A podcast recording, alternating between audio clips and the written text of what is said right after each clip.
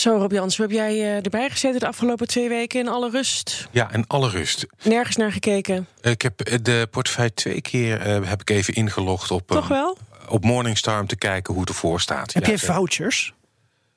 Vouchers? Ja, heb je in je portefeuille Nee, ik heb geen vouchers. Dat je geen, uh, uh, geen cash in krijgt? Nee, ik heb wel een claim liggen voor een reis naar Mexico die niet doorgaat. Maar dat is een ander verhaal. Ja, ik was gewoon benieuwd. Rob en ik hebben het daar vaak over. Over ons slachtofferschap. Ja. ja. Dat is geld niet ja, terugkrijgen. ik. Nee, maar even terug naar je portefeuille, Rob. Ja. Um, leuk dat je toch even hebt gekeken. Je bent echt uh, ja, ik heb sowieso... intrinsiek nieuwsgierig.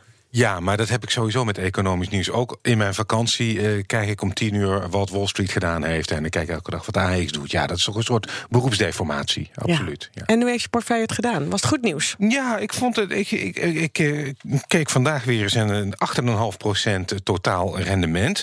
Um, voor mijn. Keurig. Ja, dat is keurig. Voor mijn uh, vakantie, de laatste keer dat ik hierbij was, was het een, een veel kleinere plus. Uh, beurs heeft het per saldo ook niet zo slecht gedaan. En mijn portefeuille uh, ook niet. Ik denk zelfs dat hij het beter heeft gedaan uh, in die periode dan bijvoorbeeld de AEX. AEX. Van de 16 bedrijven die ik een portefeuille heb, staan er 7 in de min en de rest in de plus.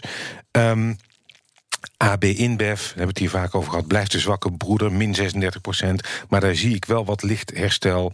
Shell doet niet wat ik ervan had verwacht, staat nu op min 27 procent. En McDonald's, min 16 procent. Maar ja, goed, dat is natuurlijk ook de coronacrisis.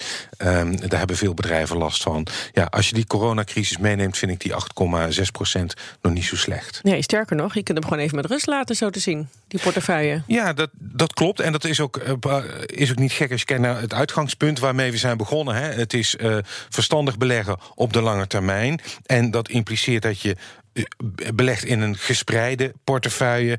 Um, dus dat is het voordeel dat als er uh, dat het niet heel hard onderuit gaat, dan heb je wel bedrijven die achterblijven en andere bedrijven die goed hebben. je zet niet alles op één paard, simpel gezegd. Dus um, ja, spreiding is, doet hier eigenlijk het. ja. Werk. Het is bijna jammer dat je niet nog een schaduwportefeuille kan hebben met onverstandig beleggen op de korte termijn, bijvoorbeeld. Nou ja, dat is... En dat je dan kan zien als een soort, uh, nou ja, zoals ze ook vaccins ja. testen met uh, patiënten nou, en placebo's, ja. dat je kunt laten zien wat het verschil is. Ja, nou ja, kijk, ja, dat, dat klopt, dat, dat, dat kan je doen, maar dan is het dus meer gokken. En ik denk dat je dan, uh, ja, dan is het zeg maar een beetje sowieso de vraag of je het beter doet dan de gorilla, hè, de beursgorilla, die met pijltjes naar aandelen gooit. Die schijnt, mm -hmm. het, die schijnt de AX al jaren te verslaan. Oh ja? Ja, serieus. Dus dat is. Dat is um, Geweldig.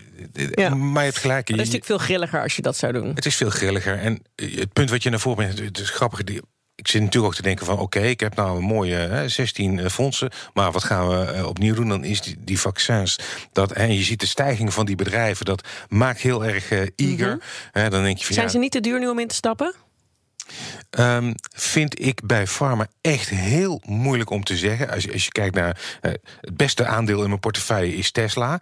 Ja, dat, dat is 85% gestegen sinds ik het heb gekocht. En al weken geleden zei Elon Musk, de topman van Tesla, ja, uh, eigenlijk is het aandeel te duur, maar men blijft kopen. Kijk, als, me, als, als het gewild is. Vaccins vind ik moeilijk. Technologie is nog steeds heel erg gewild bij uh, particuliere beleggers. Maar ook daarvan zeggen analisten... ja, zitten we niet onderhand aan een grens van uh, uh, of het nog verder kan stijgen. Maar volgende week wel een nieuwe belegging.